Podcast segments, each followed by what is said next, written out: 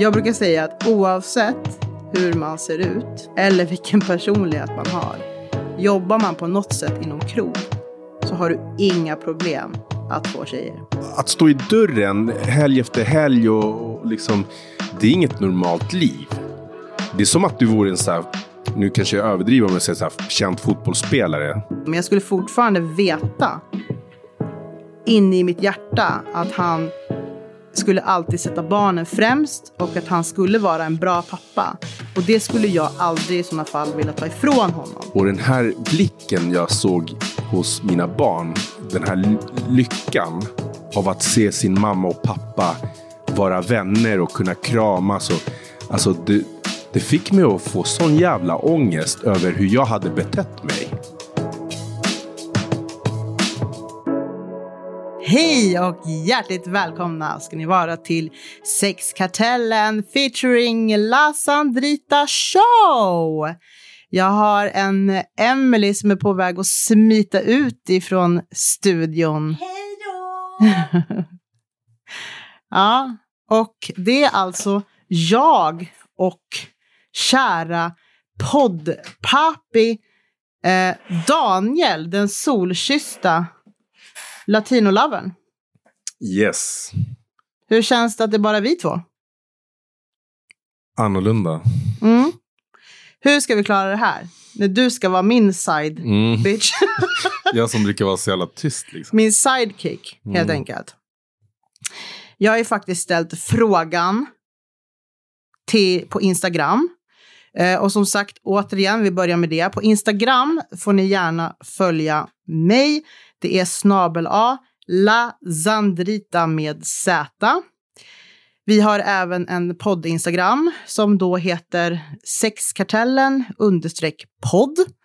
Och vi har även vår solkyssta Latin Lover som har en podd. Vad heter du på Instagram? Som har en podd. Nej, men förlåt. en blogg till Eh. sig. Är det Instagram? The understreck Daniel understreck Santana. Ja. Och som sagt, ni får gärna eh, följa oss på alla lyssnarplattformar, eh, skriva kommentarer, ge omdömen eller vad man nu gör. Uppskattar vi väldigt gärna. Och vill man mejla oss så mejlar man till sexkartellen snabela gmail.com. Ja, då ska vi se. Har du någonting Daniel du känner att du vill att vi ska ta upp? Nej, inte så här spontant. Nej. Nej. Jag har fått en, eh, en, ett önskemål från en lyssnare som har skrivit att det skulle vara intressant att höra mer om före detta kriminella killar slash eller kriminella killar. Intressant. Och då ställer jag frågan på vilket vis eller vilket syfte, utveckla gärna. Ta in någon före detta kriminell person som inte är det längre och så vidare. Varför den valde att lämna det livet efter sig och hur den lever idag och hur den ser tillbaka på sitt liv och sånt. Vet vi någon vi ska ta in eller? Nej, jag vet inte. Nej. Sen har vi fått ett annat önskemål. Där det står... Nu ska vi se. Eh, du får gärna läsa Vilket? de där två rutorna, vad det står där. Eh, högst upp där, eller? Eh, ja, det börjar... Den, den, rutan. Okej. jag. Eh, jag skulle vilja höra mer analyser än egna erfaren erfarenheter. Härligt att höra att ni alla är till exempel sexuellt frisinnade och äger er sexualitet. Dock så när det kommer till skeva manligare kvinnliga tillkortakommanden Mhm. som till exempel fuckboy så blir det lite för förenklat att bara säga han är dum i huvudet. Vi som är sexuella och sunda har ett ansvar att nysta i det och förmedla kunskapen, känslan och självsäkerheten. Duschiga beteenden ska synliggöras och ifrågasättas. Tänker också att kära poddpappi som är en rätt synlig profil på stan har ett maskulint ansvar. Min erfarenhet är att vakter inte är de med högsta moralen och människosynen. Ibland, är, ibland av rätt förstå, förståeliga skäl. Att haja till när de små oerfarna snubbarna vill stå i dörren och lära upp dem att vara en schysst människa.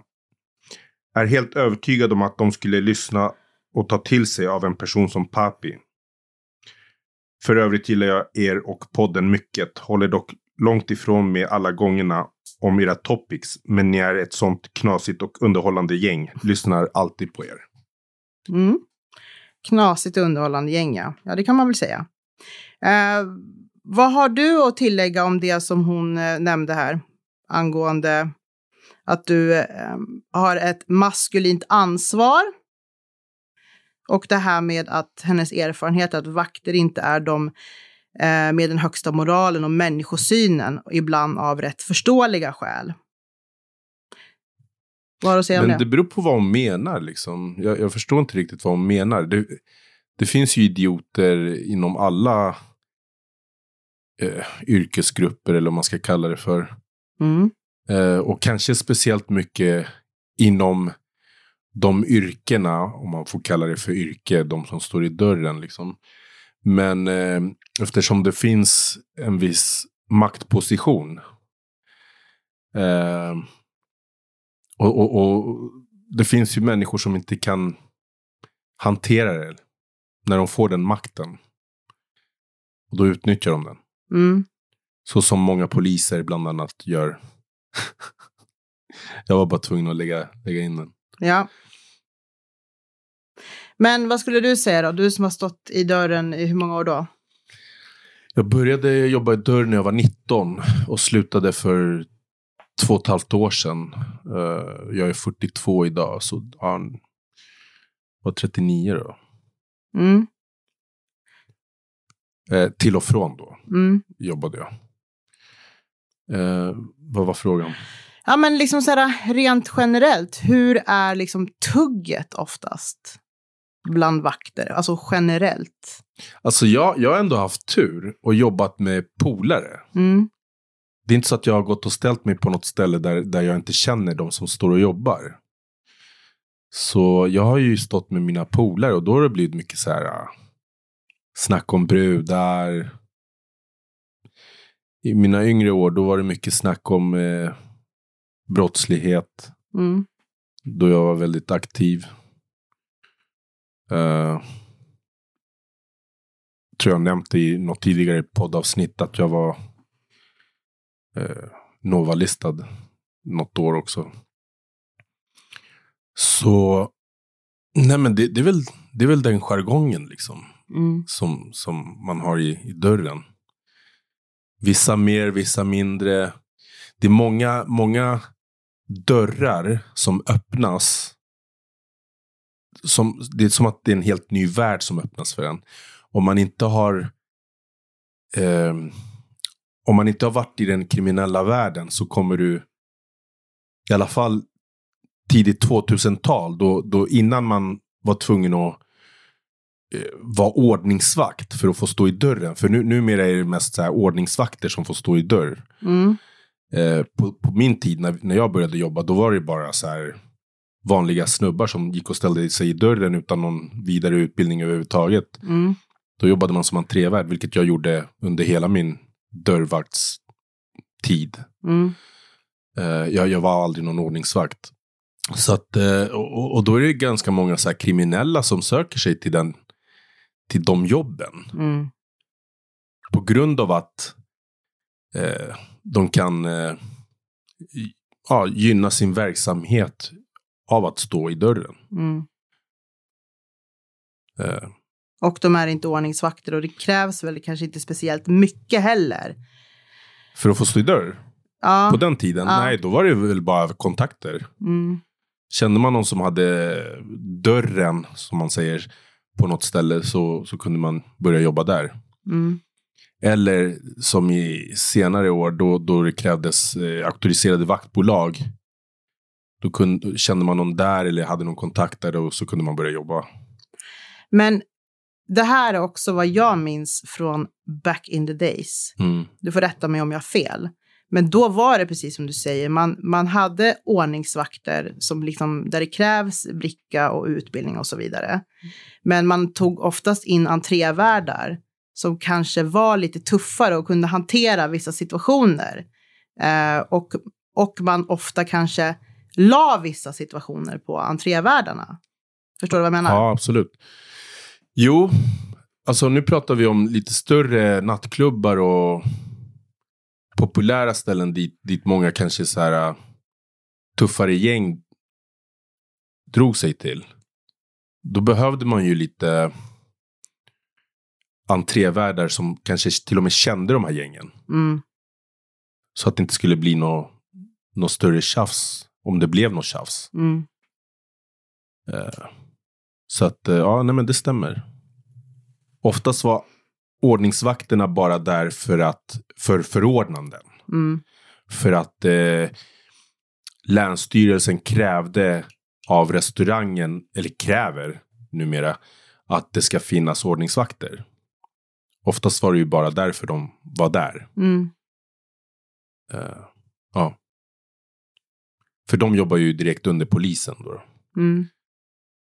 Så att eh, det gjorde ju inte vi, Nej. entrévärdar. Nej. Skulle du säga liksom att... Oh. Jag brukar säga att oavsett hur man ser ut eller vilken personlighet man har, jobbar man på något sätt inom krog som entrévärd, ordningsvakt, nattklubbschef, eh, driftchef, eh, bartender eller vad det nu än är, så har du inga problem att få tjejer. Ja, alltså, jo det stämmer nog. Alltså ganska bra. Mm. Absolut. Ja.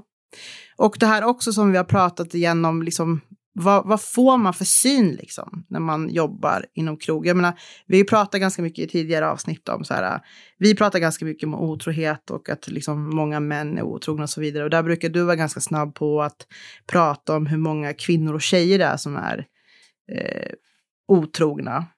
Mm. Blir det på något sätt att man blir lite skadad? När man jobbar i dörr och får se så mycket? Ja, det är klart man blir det. Annars vore det ju konstigt liksom. Om man, om man helg efter helg under flera års tid och kanske till och med vardagar, om man jobbar vardagar, får se eh, människor som är otrogna, eh, människor som tar droger, eh, allt som förekommer i, i krogvärlden. Mm. Då börjar man ju i alla fall jag, jag när, när, i alla fall när det kommer till så här, att vara trogen eller, eller inte vara trogen, så började jag tappa tron på att det fanns trogna människor. Liksom. Mm. Eftersom jag både var med gifta och eh, kvinnor i förhållanden eh, nästan varje helg. Mm. Så, så, och, och sen såg man ju gäster som, som man visste hade förhållande men som var otrogna. Mm. Det såg man ju hela tiden. Så att, eh, Men skulle du säga också, nu ska vi se hur jag ska formulera det här.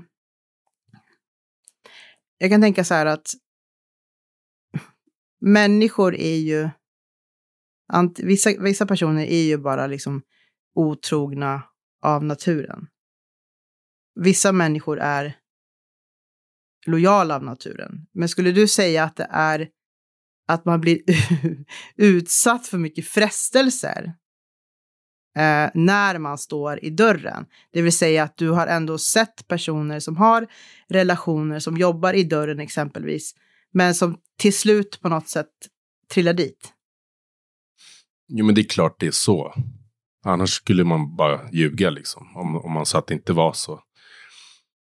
Klart att du, om du, om du kanske inte har det så bra hemma med, med din partner eh, under en längre tid och så är det tjejer som, som raggar på en när, när man står och jobbar och flörtar och jag tror att alla förr eller senare trillar dit alltså. Mm, Det tror jag. mm, Eh, vilket, ja, vad ska man säga liksom? Det, Ska, vi, ska vi prata procent nu? men, igen? nej, men alltså det, det, att stå i dörren helg efter helg och, och liksom, det är inget normalt liv. Nej. Det är som att du vore en så här nu kanske jag överdriver om jag säger så här, känd fotbollsspelare. Men, men de- den, de frestelserna som de utsätts för, alla, alla inviter och allt möjligt de får, alltså det är ju att stå på en så här populär krog och, och, och, man kanske ser helt okej ut. Jag- Okej, jag, jag ska nog inte jämföra med en fotbollsspelare, absolut inte. Men, men, men det är, man, man, man blir ju frestad liksom. Mm. Nej, men jag tror ju också så här som, jag vet inte, har du sett serien Exit? Jag har, SVT? sett, jag har sett några avsnitt. Ja. Ja. Eh, för er som inte har sett serien Exit, se den. Det är mitt tips. Den är helt sjuk. Den är helt galen. Eh, kvinnosynen där är väl liksom inte på, på den bästa. Men jag tycker, att, jag tycker att det känns bra på något sätt att de förmedlar att här är det liksom eh, tre, fyra vita snubbar eh, som, som är framgångsrika. Vad fan är de framgångsrika på? I- Inom finansvärlden. ja, inom finansvärlden eh, som liksom lever high life. Eh, det är liksom Eh, kvinnor, det är droger, det är liksom prostituerade och allt sånt som inte är bra. Eh, men, men, men någonstans så är det som så att jag går ju omkring och tror att jag, jag tror faktiskt att om man är kille och man har jättemycket pengar, makt, man är känd, precis som du säger, man är fotbollsspelare, man är artist, skådis, vad det nu än är. Jag har så svårt att tänka mig att man är trogen. Jag, jag ser det också som väldigt svårt. Mm. Eh, Det finns ju killar som är nobody som också är liksom notoriskt otrogna, men jag Exakt. tänker så här, tillgången till liksom så mycket liksom, jag, jag, jag tror inte det går att föreställa sig om man själv inte lever det livet. eh, Som, som fotbollsspelare eller hockeyspelare eller så här känd idrottsman eller artist. Vi, vilka frestelser man utsätts för. Alltså det, det, det är en, Jag kan inte ens föreställa mig. Alltså det, det, det måste vara något helt sjukt. Alltså. Mm. Du kan inte, jag, jag minns en gång när, när, när vi var på ett ställe in i Stockholm. Eh, var, var det gamla collage vi var på tror jag. Då var Zlatan där. mm, Och eh, han stod uppe på, det var som ett litet så här VIP-område. mm, Eh, och så hade han ryggen mot publiken, liksom, eller människorna, folket, Folket. som var Gästerna, där. Ja, ja. gästerna. Men så märkte jag så här, jag såg ju, jag bara fan är det där Zlatan? Sa jag till min polare som jag var där med. Han bara, ah, jo det är Zlatan. Och, och då såg vi bara ryggtavlan på honom. mm, Och sen märkte jag hur fler och fler såg att shit, de, de såg att det var Zlatan där. mm, Och då märkte jag på tjejerna hur de reagerade. Alltså det var så här, det var så sjukt. Det var så här, de kunde stå där med sina pojkvänner eller ja, sina män. Och bara stå och gapa och dregla över Zlatan. mm, Det, det, var, det var bland det sjukaste jag sett alltså. mm. Eh, så jag kan bara tänka mig hur det är. Alltså det är... Ja, Ja. det där märker man ju. Liksom. Jag tror att vem som helst av de som var där, tjejer, de hade ju bara gått och knullat med Zlatan om, om, de, om han hade sagt att han ville knulla med dem. Mm. Alltså, vem som helst. Mm. Men det där tycker jag att man ser lite, lite hela tiden om man är ute liksom i eh, till exempel eh, Stockholms uteliv och det är en person som är känd på plats. Oavsett om han är liksom snygg, eh, ful, gammal, ung, eh, liksom vältränad, icke vältränad, så är det ju alltid ett harem runt. S- Sen måste jag säga så här. När jag säger att alla som var där hade knullat med Zlatan om, om, de, han- om han hade velat. Eh, ja, absolut. Det, det, det stämmer nog till så här 99 procent. Men det menar ju inte att alla kvinnor i Sverige skulle vilja knulla med Zlatan. Det är Nej. inte det jag säger. För att alla som går på krogen. Det finns ju folk som inte går på krogen. Mm. Och det finns folk som, som inte tycker att han är attraktiv överhuvudtaget. Mm. Vad jag menar är att eh, bara över att se att Zlatan var där så, så vart många tjejer väldigt så här, upphetsade. Mm. Kunde man se. Mm. Så att det, det var det jag menade. För några år sedan så hade jag en, en polare som är artist som var förband till en rappare från USA. Och på den här rapparens hotellrum så, så liksom de handplockade tjejer Från publiken. från typ publiken som fick liksom ställa sig i en jävla kö utanför den här rapparens liksom rum. Det var liksom, ja, jag skojar inte, det kanske var 50 brudar i den där kön som bara stod typ och väntade på sin tur att få komma in till den här personen. Och, och, och, och sådana här saker så tänker jag bara så här, alltså hur är man funtad? Både som, liksom, både som kille, eller liksom, jag har ingen aning om vad som för där inne. Liksom. Det kan ju vara att de kom in där, någon hade sex med honom, eller liksom, jag vet inte vad som hände, men jag kan ju bara tänka mig. Men liksom själva tanken att, men nu står jag i den här kön. Jag är nummer 10 eller jag är nummer 35 för att komma in till honom. Mm. Jag, jag har så svårt att sätta mig in i hur man kan liksom vilja vara i en sån situation. Jo, men det är säkert en, en viss typ av tjejer som, som går med på sånt. Liksom. Det, man kan ju inte säga att alla gör det. Nej, Så att det här med... nej absolut inte. Nej. Nej, men det att prata med liksom att... Så jag, tyck, jag, jag tycker ju rent ut sagt att... Jag tycker att killar som beter sig så är dumma i huvudet. Jag tycker att tjejer som beter sig så är dumma i huvudet också. Mm. Som exempelvis då ställer sig i den här kön.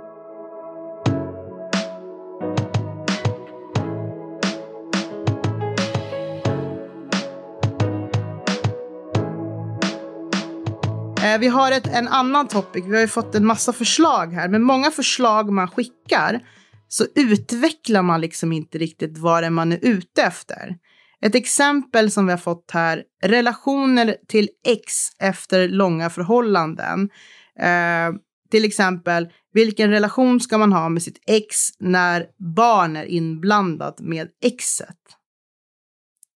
Och där är ju liksom, du, du och din babymamma har ju liksom en dröm, en drömhistoria eh, historia där. Ja. Alltså jag tycker oavsett... Alltså, när jag får höra om, om, om eh, par som har gått skilda vägar och har barn tillsammans. Jag, jag tycker det är så jävla tragiskt att höra att de, att de tjafsar, att de bråkar, att de inte ens pratar med varandra och att det är så här... Eh, för att den, de enda, eller den enda som, som drabbas av det här, det är ju barnen. Mm. De vuxna kan liksom dra åt helvete. Det är, det är barnen som drabbas av det här. Och då får man svälja sin stolthet. Liksom jag, jag och barnens mamma, vi var inte alltid överens om allting. Och eh, jag, jag kan erkänna att jag, jag, det fanns en, en tid då jag var jättebesviken på henne. Efter separationen. Mm. Inte direkt efter, utan det hände en sak eh, efter en viss tid som gjorde att jag blev jättebesviken på henne. Och eh, jag slutade prata med henne. Mm. Eh, jag tittade knappt henne i ögonen när jag var och hämtade barnen. När det var min tur att hämta barnen och, och de var hemma hos henne. Jag tittade inte ens på henne och, och jag pratade inte ens med henne. Och då, på den tiden, då tänkte jag inte så mycket på, på det. Mer än att det var så här att jag var sårad och, och arg. Jag tänkte inte på barnen. Hur de tog det. Men sen hände det en annan sak i mitt liv som gjorde att jag eh, började... Eller då- då, då tänkte jag så här, vad är det som, är vikt, som fick mig att tänka på, vad är det som är viktigt egentligen? Eh, och det är familjen. Det är barnen. Och då ringde jag till, till barnens mamma. Och då hade jag, det kanske hade gått ett år som jag inte pratade med henne. Så ringde jag till henne en, dag och bara, kan vi, kan vi ses? Jag behöver prata med dig. Och så berättade jag eh, för henne vad, vad, som, vad jag hade gått igenom under den här tiden och vad, vad som hade hänt i mitt liv. Och vad som fick mig att, att inse att det finns viktigare saker än, än att gå runt och vara sur och besviken på, på varandra. Mm. Och då blev vi vänner igen, eller vad man ska kalla det för. Och då åkte vi hem till, till barnen som var hemma eh, från skolan. Och, och när de såg oss tillsammans, eh, då trodde de först att vi hade blivit tillsammans igen. För Mm. de frågade oss så här, är ni tillsammans igen? Frågade de så här. Vi bara nej, vi är bara vänner och vi kommer alltid vara familj. Mm. Och den här blicken jag såg hos mina barn, den här ly- lyckan av att se sin mamma och pappa vara vänner och kunna kramas. Och, alltså det, det fick mig att få sån jävla ångest över hur jag hade betett mig Mm. under det här året. Och jag vägrade prata med, med deras mamma. Liksom. Mm. För det var då jag också insåg hur mycket skada de hade tagit. Mm. Och, och då mådde jag bara dåligt. Liksom. Och, och jag tänkte så här, shit, det, det här får aldrig hända igen. Liksom. Oavsett vad hon gör eh, så ska inte jag, det ska inte drabba barnen. Oavsett vad jag tycker om det hon gör eller inte gör. Eh, nu var det så att det, det hon gjorde mot mig, när jag tänker efter, det, det var ju inte, det var inget allvarligt. Men det var tillräckligt allvarligt för att jag skulle tycka att eh, jag ska inte prata med henne någon mer. Mm. Eh, Och det här var ju ingenting som skedde. Eh, det som gjorde dig besviken skedde ju efter att ni hade gjort slut. ja, ja, var ja. Det, det, var inte, det var inte att, att vi hade separerat. Nej. Liksom, utan för det var vi överens om att vi skulle göra. Mm. Det var till och med jag som släppte bomben för henne en, en morgon. Och sa att eh, jag inte ville leva det här livet längre. Mm. Och hon var ju helt omedveten om vad, vad jag kände. Utan det här var någonting som jag hade gått runt och funderat på under ett tag. Och till slut så kunde jag inte hålla det eh, för mig själv längre. Och eh, jag, jag, jag krossade henne som hon själv sa. Hon bara, du, du dödar min, min dröm liksom. Mm. Och, eh, så att det, var, det var inte därför eh, jag var besviken på henne. Nej. Utan det var en, en, en annan händelse som, som, som fick det att... Eh, som fick mig att bli besviken. Mm. Nej, men det märker man ju liksom som vi pratade om i liksom förra poddavsnittet. Så som sagt, man har ju massa vänner som skaffade barn med sin pojkvän eller flickvän eller fru eller liksom före detta man när de var liksom 23, 24, 25. Och sen så har man barn, man gör slut. Och oftast när man gör slut så är det ju liksom inte good standing. Det vill säga oftast är ju inte båda nöjda med ett beslut när man gör slut. Det kan ju vara någonting som uppkommer, någon har sårat den andra eller liksom man har sårat varandra eller man har träffat någon annan eller vad fan det nu är. Så ett Det, uppbrott... det finns alltid någon som blir mer besviken än den andra. Ja. Exakt. Eh, och då är ju frågan, hur ska man hantera det när man har ett barn ihop? Nej, men det är där jag menar att man, man får svälja sin stolthet. Liksom. Det, det är inte svårare än så. Sen, för frågan var väl så här hur man skulle vara mot sin partner om man har barn tillsammans och det tar slut. Eh, Ex-partner. Ex-partner. vad man ska ha för relation Ja, vad man ska ha för relation.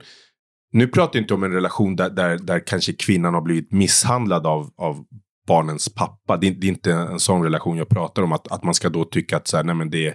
Jag, jag tycker bara att man, man eh, i, i ett sånt fall, då kanske man ska, om barnet fortfarande har kontakt med sin pappa, att, att man försöker göra det så bra som möjligt. Mm. För det sjuka är det här som också då, som vi har pratat om tidigare, att många som lever till exempel i osunda relationer med en man, eh, kanske då i det här fallet, eller en kvinna, där man där kanske förekommit misshandel och så vidare, så kan det fortfarande vara som så att, som många kvinnor har skrivit till mig, att han är en fantastisk pappa. Barnen har aldrig sett någonting och så vidare. Och, och jag menar på liksom att om det är som så, om jag tar mig själv som ex exempel, nu har inte jag barn och inte, jag kan inte sätta mig in i det, men om jag och eh, El Kadir skulle liksom ha barn tillsammans eh, och det skulle ta slut för att eh, uppdagas att han har liksom eh, haft någon bakom ryggen på mig eller liksom varit notoriskt otrogen. Eh, det är klart att jag skulle vara besviken på honom, men jag skulle fortfarande veta inne i mitt hjärta att han skulle alltid sätta barnen främst och att han skulle vara en bra pappa. Och det skulle jag aldrig i sådana fall vilja ta ifrån honom. Oavsett hur mycket han har skadat mig. Eller liksom hur mycket han har sårat mig eller Mm. gjort mig besviken. Och det här jag menar att jag tycker att idag, det är så många barn som far illa på grund av två föräldrar som liksom är besvikna på varandra eller liksom bittra på varandra eller vad det nu. Och man, man kan liksom inte sidosätta det här, så det är ganska intressant att höra dig berätta när du säger att för, för att jag, alltså i min drömvärld så skulle det vara som så att eh, när, när mina vänner har separerat från sin partner och, och det är barn inblandade, eh, då försöker jag ändå få dem till att, att ändå att barnen ska se att föräldrarna kan vara i samma rum med varandra. Precis som du säger, man kanske inte behöver stå och kramas eller ha massa familjeaktiviteter om det är väldigt liksom, eh, irriterat. Men, men ändå försöka liksom så här, samlas när barnen fyller år. Man kanske kan fira jul ihop. Eller man kan käka en middag ibland med varandra. Eller liksom åka till en lekpark med barnen tillsammans. Så att barnen fortfarande ska se att liksom mamma och pappa, de är ändå liksom på god kant med varandra.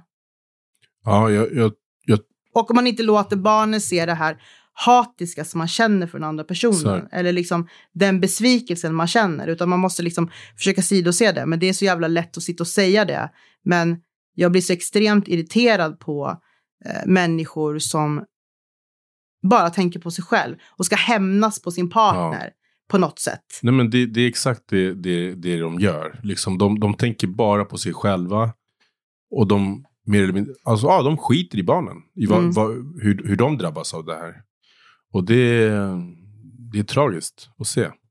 Och, och se det utifrån ett annat perspektiv, för det handlar också lite grann om frågan om hur man ska vara med sin pa- ex-partner som man har barn med när man träffar en, en ny partner. Mm. Och då är det som så att jag tycker att om man träffar en ny partner, om man har barn sedan tidigare, så tycker jag att man ska vara väldigt tydlig med att, låt säga i en sund värld, att jag har barn med den här mannen eller den här kvinnan och hon kommer alltid finnas i mitt liv, för hon är barnens mamma eller han är barnens pappa. Mm. Och, och liksom sätta, liksom sätta, vad ska man säga, ett ramverk redan från starten. Mm. Vad man, hur man liksom resonerar över det här. Ja. Nej, men som i mitt fall då, då. Jag kan bara prata om vad jag, hur jag har det liksom. Jag, jag tror att det är som du säger, jag har en drömrelation till barnens mamma. Och jag önskar att alla kunde ha en sån relation. Alltså, ehm, jag, jag har varit utomlands med min eh, respektive Mm. med min dåvarande flickvän och med barnens mamma samtidigt med, Mhm. och med våra barn. Ja. Eh, alltså vi, vi, vi är som en enda stor familj. Liksom. Mm. Eh, vi, vi är hemma hos, eh, hos barnens mamma. Vi grillar, vi firar eh, högtider ihop. Eh, barnens mamma, om hon har en, en eh, partner så är han också där. Liksom. Det är så här, men, men det är också för att det, det finns verkligen ingenting, ingen passion mellan, alltså inget intimt mellan mig och barnens mamma längre. Utan vi är bara bästa vänner. Mm. Eh, och, och alltså det, jag kan bara säga att det är helt underbart att ha det så. Ja. Och jag önskar att alla kunde bara så här, eh, svälja sin stolthet och, och försöka göra allt för barnen. För deras, för att de ska få en så bra uppväxt som möjligt.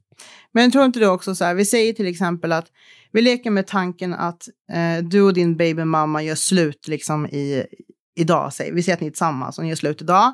Och du träffar en ny tjej ganska direkt inpå.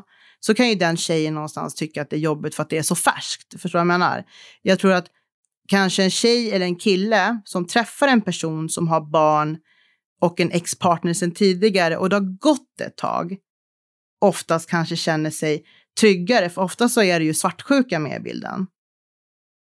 Mm. Och sen, sen tror jag att det mycket beror på vad, vad den personen kommer ifrån för erfarenheter. Vad den har för erfarenheter när det kommer till baby mama eller baby pappa. Liksom, Mm. så här. Eh, för att den erfarenheten jag har av mina flickvänner som jag har haft relationer med. Eh, det är att de i början inte kan förstå att det inte är någonting mellan mig och barnens mamma, när jag nämner det för dem. Mm. När jag säger så här, jag, jag har en jättebra relation med barnens mamma, jag älskar henne, jag skulle dö för henne. Men eh, samtidigt skulle jag inte ens kunna ge henne en kyss på munnen. Liksom. Nej. Eh, det, det, då, då kanske de i, i, först bara tänker så här, fan vad han snackar skit. Det måste vara någonting annat. Men sen när de får träffa oss Mm. tillsammans, då ser de och känner att det är så här, nej men det är verkligen så här. Mm. Eh, så som han har sagt och beskrivit det. Sen finns det ju de som, som inte kan förstå det oavsett om de träffar oss eller inte. De tycker bara att det är konstigt, att det är så här. Men det, det har väl mer med dem att göra, deras osäkerhet. För att eh, Eh, både jag och barnens mamma vet att det, det, vi är som syskon. Alltså det, det finns ingenting annat. Nej, och jag, som sagt var, vi har, vi har nämnt det förut också, men jag, jag kan ju relatera så mycket till det där. Nu har ju inte jag barn med mitt ex, men till exempel när vi var tillsammans i tio år och sen gjorde vi slut. Och jag menar, vi gjorde slut i, nu ska vi se, i juni 2014 gjorde vi slut och hade liksom en gemensam bostadsrätt och så tillsammans. Från det att vi gjorde slut och bodde under samma tak till att jag flyttade ut så hade vi ju sex. Ja, men sen den dagen vi separerade och vi sa till varandra att vi är familj, liksom forever, vi är bästa vänner, eh, men vi är inte framtidspartner med varandra. Sen dess så träffades ju han och jag flera gånger i veckan. Alltså jag flyttade ut i augusti 2014, så vi bodde alltså ihop två månader innan, innan jag flyttade ut. Men vi träffades flera gånger i veckan just för att Dels så hade vi den gemensamma bostaden kvar, jag hämtade post, vi hade delad vårdnad om hunden. Så, så vi, vi träffades liksom kontinuerligt. Men vi har liksom inte varit sexuella med varandra en enda gång eh, sen, vi, eh, sen, sen vi gjorde slut. Och det är bara för att liksom på något sätt vi tog det steget. Att liksom göra slut av en anledning och då behöver vi liksom inte liksom gegga in det på något sätt sexuellt. Och då, och då kan vi säga så här, jag har ju träffat honom, eh, liksom, vi har ju varit hemma i, i, i hans, eller vår lägenhet själva. Vi var i liksom min lägenhet själva. Eh, liksom, vi var med varandra själva utan att jag försökte med honom eller att han försökte med mig. För att vi hade gjort slut. Det var liksom typ som en principsak mellan oss. Jo men, Och, och det var det jag skulle säga var att det var så många människor, även mina liksom, nära vänner, som kände han och mig väldigt bra och visste liksom vad vi hade för relation till varandra. Men vad då ligger ni inte med varandra? Nej, det gör vi inte. men hade ni träffat då eh, nya partners eller? Nej. För att du säger att ni hade sex fram tills du flyttade ut. Ja, Då var ni ändå attraherade av varandra, sexuellt attraherade av varandra. absolut. Men när ni slutade, när du, när du, när du flyttade Det gick ut. från liksom... Då var det så att ni, för ni, då gjorde ni ett medvetet val att Ja. inte ha sex med varandra. Ja, Men, det, men var, fanns attraktionen där fortfarande? jag tror faktiskt inte det. Men det fanns det liksom två dagar innan när jag bodde där. Det var det som var så jävla Mm. konstigt. Det var som att vi båda liksom så stängde av. För att han försökte inte med mig en enda gång efteråt liksom att liksom närma sig mig på ett sexuellt sätt. Mm. Och jag gjorde inte det med honom heller. Utan det var att när vi träffades så kramade vi varandra. Och när vi skildes åt så kramade vi varandra. Mm. Och då var det verkligen som att nej, men vi, vi är vänner och familj nu. För det var så viktigt för oss att liksom vara det.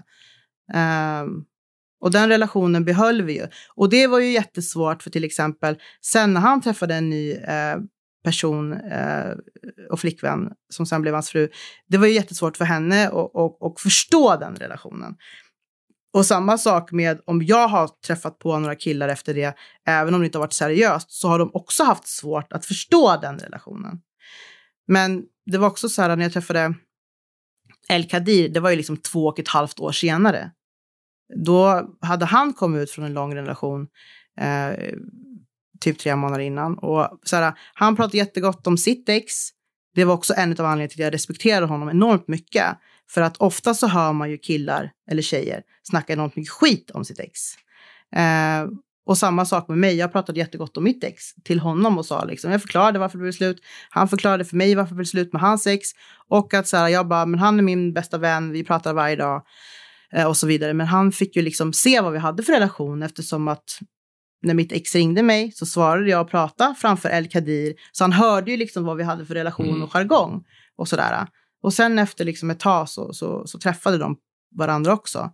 Eh, så det var inga konstigheter då. Men jag tror att det är därför jag tycker att det är så viktigt att i en relation, en ny relation, att man kommunicerar redan från första början. Det kan vara om det har med ett ex att göra. Det kan vara till exempel eh, om man har åsikter hur någon ska bete sig på sociala medier. Eller liksom, eh, det här är okej för mig, det här är inte okej för mig. Rent generellt Mm. så behöver man ha sådana såna diskussioner tror jag. Ja. Och kommunicera. För att det är så lätt att man det är så lätt att man sviker den andra eller sårar den andra på så här grejer som kanske är normalt för mig eller normalt för dig. Eller det kanske var- normalt i din förra relation eller min förra relation. Mm. Men då var vi tillsammans med två helt olika personer Så. än den man är tillsammans med nu till exempel.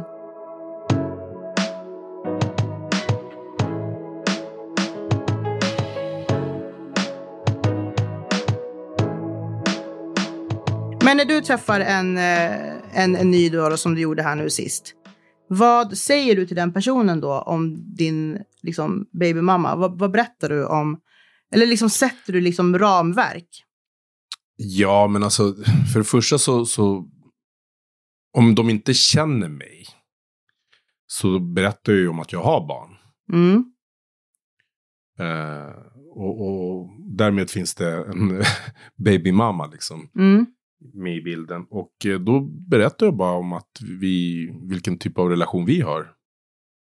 Eh, så att, eh, och, och jag, talar, jag gör det väldigt tydligt också att, att eh, det här är en person som jag inte kompromissar med. Alltså Mm. jag, jag, jag kompromissar, min och hennes relation kompromissar jag inte med. Nej. Utan är det så att någon tycker att nej, men det, det är inte okej att, ni, att ni pratar, att ni ses, att då har jag ingenting med den här människan att göra. Nej. För att eh, det, det är som att eh, jag skulle gå emot mina egna barn. Liksom. Det är ju mina barns mamma, jag, jag gör inte det. Nej. Eh, jag tänker inte kompromissa med, med barnens välmående för en annan brud. Liksom. Nej. Det finns inte. Och det är därför jag menar att det är rätt, det är rätt viktigt att man säger sådana saker. Mm. Nej, men en det gör, jag. det gör jag alltid. Det, det är bland det första jag gör när jag träffar någon. Att vad jag har för typ av relation med barnens mamma. Mm. Att eh, det är en människa jag, jag gör allt för. Alltså Mm. hon... Jag, jag, jag- kan inte prata tillräckligt... Jag kan, jag kan inte säga så att... Jag kan inte sätta det i ord. Hur mycket, jag, hur mycket hon betyder för mig. Mm. Eh, alltså jag, jag vet inte ens... eh, nej, hon, är, hon, är, hon, är, hon betyder typ allt för mig. Mm. Faktiskt. Ja. På, på, ett, alltså på ett sätt som, som, som en person kan göra. Alltså förstår du vad jag menar? Det, skulle jag träffa någon som jag, blir, jag, som jag kan bli jättekär i och älska och absolut, det kan jag göra. Men det, då är det en annan typ av relation. Och Mm. jag skulle säkert också kunna dö för den personen. Det, det ena utesluter inte det andra. Att så här, om jag känner så för barnens mamma, att jag inte kan känna så för någon annan. Det kan Mm. jag visst göra. Mm. Eh, så kan man väl känna för flera personer, Mm. tror jag. Alltså, jag, jag dör för mina föräldrar, för mina syskon, för, för, alltså för min familj. Eh, det betyder inte att jag inte kan älska en, en, en annan kvinna och, och bli kär och, och dö för henne. Nej. För jag ser henne som familj, det, vilket hon är. Hon är ju mina barns mamma och det kommer hon alltid vara. Mm. Men jag tror så här att när man, när man träffar en ny person och en, en, en ny, liksom, när man går in i en ny relation, eller innan man går in i en ny relation, så återigen kommunikation och liksom vara transparent med varandra. Eh, så tror jag också så här att exempelvis då med El Kadir, alltså jag förstår att när man går in i en relation så måste man oftast kanske förändra på saker och ting. Som man kanske inte behöver tänka på när man är singel och gör vad fan man vill. Nu pratar vi ju inte om att så här, men då får inte jag ligga med andra ihop med dig. Inte sådana här saker. Jag pratar så här att när jag träffade El Kadir till exempel, jag var ute typ tre, fyra gånger i veckan. Och han sa till mig så här att jag kommer inte vilja ha en seriös relation med en tjej som springer på krogen liksom varje helg. Jag bara okej, okay, men det kan jag köpa därför att livet förändras ju när man går in i en relation. Mm. Då vill man ju förhoppningsvis vara med sin partner, även om jag aldrig någonsin troligtvis kommer att tröttna på att socialisera med mina vänner, om det så är middagar, eh, kanske gå ut på någon restaurang eller liksom krog, eller kanske inte krog, men hela den här sociala grejen. Men jag fattar ju liksom att man kanske inte umgås med sina vänner varje fredag och lördag och festar när man är i en relation. Mm. Eh, det kan jag kompromissa på till exempel. Men också som jag sa till honom att, ja men, ja ett, jag är bästa vän med mitt ex och förklarar hela den situationen. Två, jag har jättemånga liksom nära vänner som är killar. Och det kommer jag inte heller kompromissa på. Ja, jag hade aldrig till exempel tagit bort mitt ex och min relation. Eller till exempel om eh, liksom El Kadir hade sagt att du får inte vara vän med Daniel. Om han hade sagt det till mig när vi hade liksom varit tillsammans eller dejtat några veckor eller varit ihop några veckor, då hade jag bara jalla bye. Förstår du? Mm. För att det är viktigt för mig. Däremot har jag kompromissat på andra saker som ibland folk kan frågasätta mig för. Att liksom så här, varför har du gått med på det där för? Liksom. Men då kan jag ställa frågan till dem istället så här, aha, men hade din kille till exempel gått med på att du var bästa vän med ditt ex och hade typ så här 15 bästa vänner som är grabbar? Nej, det hade han inte. Alltså man väljer ju vad man vill kompromissa Exakt. på. Är du med? Mm. Jag, jag tror att Eller att jag hade en, en sexpodd. Eller att jag skrev om sex på Instagram. Det- Eller liksom sitter nu och snackar liksom Mm. sex och relationer i podd. Det kanske inte var El Kadirs dröm. Men det är vad han har kompromissat på. Mm. För det är den jag är. Så då kan jag köpa till exempel att nej men det, det är okej, jag, jag ska inte vara ute och festa flera gånger i veckan för att jag kanske inte prioriterar det längre Mm. eller liksom inte ska göra det när jag är i en relation. Ja, det, det är det det handlar om. Det handlar om att eh, kompromissa och må bra med det. Mm. För att mår man inte bra med de kompromisserna man, man, man gör så då är det inte bra. Nej. Då är man inte sig själv och så vidare och så vidare. Men det är därför jag tror att det är liksom extremt bra att vara tydlig. För jag sa, jag minns att jag sa till El Kadir liksom att som ett exempel, om du skulle säga till mig, nu sa inte han det, men om du till exempel skulle säga till mig, du får välja mellan mig och ditt ex, så hade jag valt mitt ex då. Och det är inte för att jag vill ligga med mitt ex eller ha en kärleksfull relation med mitt ex. Det är bara det att jag hade känt honom då i typ vi hade varit ihop med honom tio år och, och liksom varit vänner i, i två och ett halvt år efter det. Den relationen jag, hade, jag och han hade där jag visste att han skulle gå i graven för mig. Den kan jag inte jämföra med, med, med en kille som jag har träffat i liksom några veckor. Nej, och, och sen måste man tänka så här, varför ställer du de kraven också? Liksom om det inte finns någonting att gå på, varför? Då, då, då kan man ju räkna med att det kommer komma fler krav som, inte, som är så helt... Eh, eh, Men, alltså, alltså, out of the nowhere. men grejen är så att nu sitter du och jag här och vi är liksom lite likadana när det kommer till det här. Men de flesta människorna, och jag vet att vi har suttit här med både Emily i studion, eh, Joanna till exempel, eh, där vi har pratat om det här med att vara vän med sitt ex. Mm. Det är du och jag tycker ju inte att det är konstigt eftersom vi har den bakgrunden vi har med våra ex. Medan för många andra så är det extremt konstigt. Varför ska du vara vän med ditt ex för? Eller det finns svartsjuka eller det finns frågeställningar till, kring varför. Men jag, jag tror också att det mycket beror på vart man, alltså vad man har för erfarenheter. Liksom jag, både jag och barnens mamma kommer från skilda föräldrar. Mm. Men där båda våra familjer, alltså min pappa och min mamma, de är också bästa vänner. Eh, alltså det, och, och då har vi fått den förebilden. Att se att man kan vara, man behöver inte leva ihop, Nej. men man kan ändå vara familj. Samma sak med hennes familj, hennes mamma och pappa. Eh, de var också separerade. Eh, och eh, var bästa vänner. Så att då, då hade vi med oss det här när, när, vi, när vi separerade. Att eh, det är så man gör. Mm. Det är mycket möjligt att om, om vi hade kommit från trasiga familjer där, där föräldrarna inte ens pratar med varandra. Och, eller trasiga, splittrade familjer där, där man inte är en familj längre. Mm. Så kanske vi hade haft det att gå på. Och tänkt så här, ja men det är så det är. När man, när man skiljs eller när man separerar, då, då pratar man inte med varandra. Nej. Och då kanske det var, hade varit helt okej och bara vara osams och inte prata och liksom. Ja. Ja, men som sagt, återigen, man kan prata om såna här saker i oändlighet, för det är som, precis som du säger, en tjej eller en kille som kanske inte är bekväm med att ens partner har relation med sitt ex eller sin babymamma eller babydaddy. Man vet inte vad den personen har för erfarenhet eller gått igenom eller kanske bara rent ut sagt är en människa som är liksom osäker på sig själv, dålig självkänsla, vad det nu kan vara. Det kan ju vara massa liksom aspekter i det liksom. Men jag, jag, min, min, min spontana, eh, mitt spontana tips till alla som lyssnar det är att när man går in i en ny relation, var liksom transparent och kommunicera redan från start vad som gäller. Oavsett om det är att prata om ett ex eller liksom generella eh, Eh, liksom åsikter och tankar eh, som man har i sitt huvud. Jag, jag, jag har ett exempel på det här. Det, jag, jag var ju tillsammans med en tjej för många, många år sedan. Eh, strax efter att vi hade separerat, jag och barnens mamma.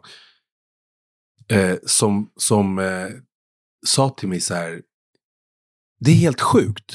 Det är helt sjukt det här. Hur, hur ni, det, det här är inte normalt, sa hon. Om min och hennes relation.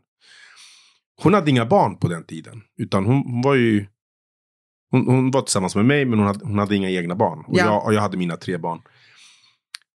Och jag sa till henne så här, bara så att du vet, mina barn kommer alltid komma först.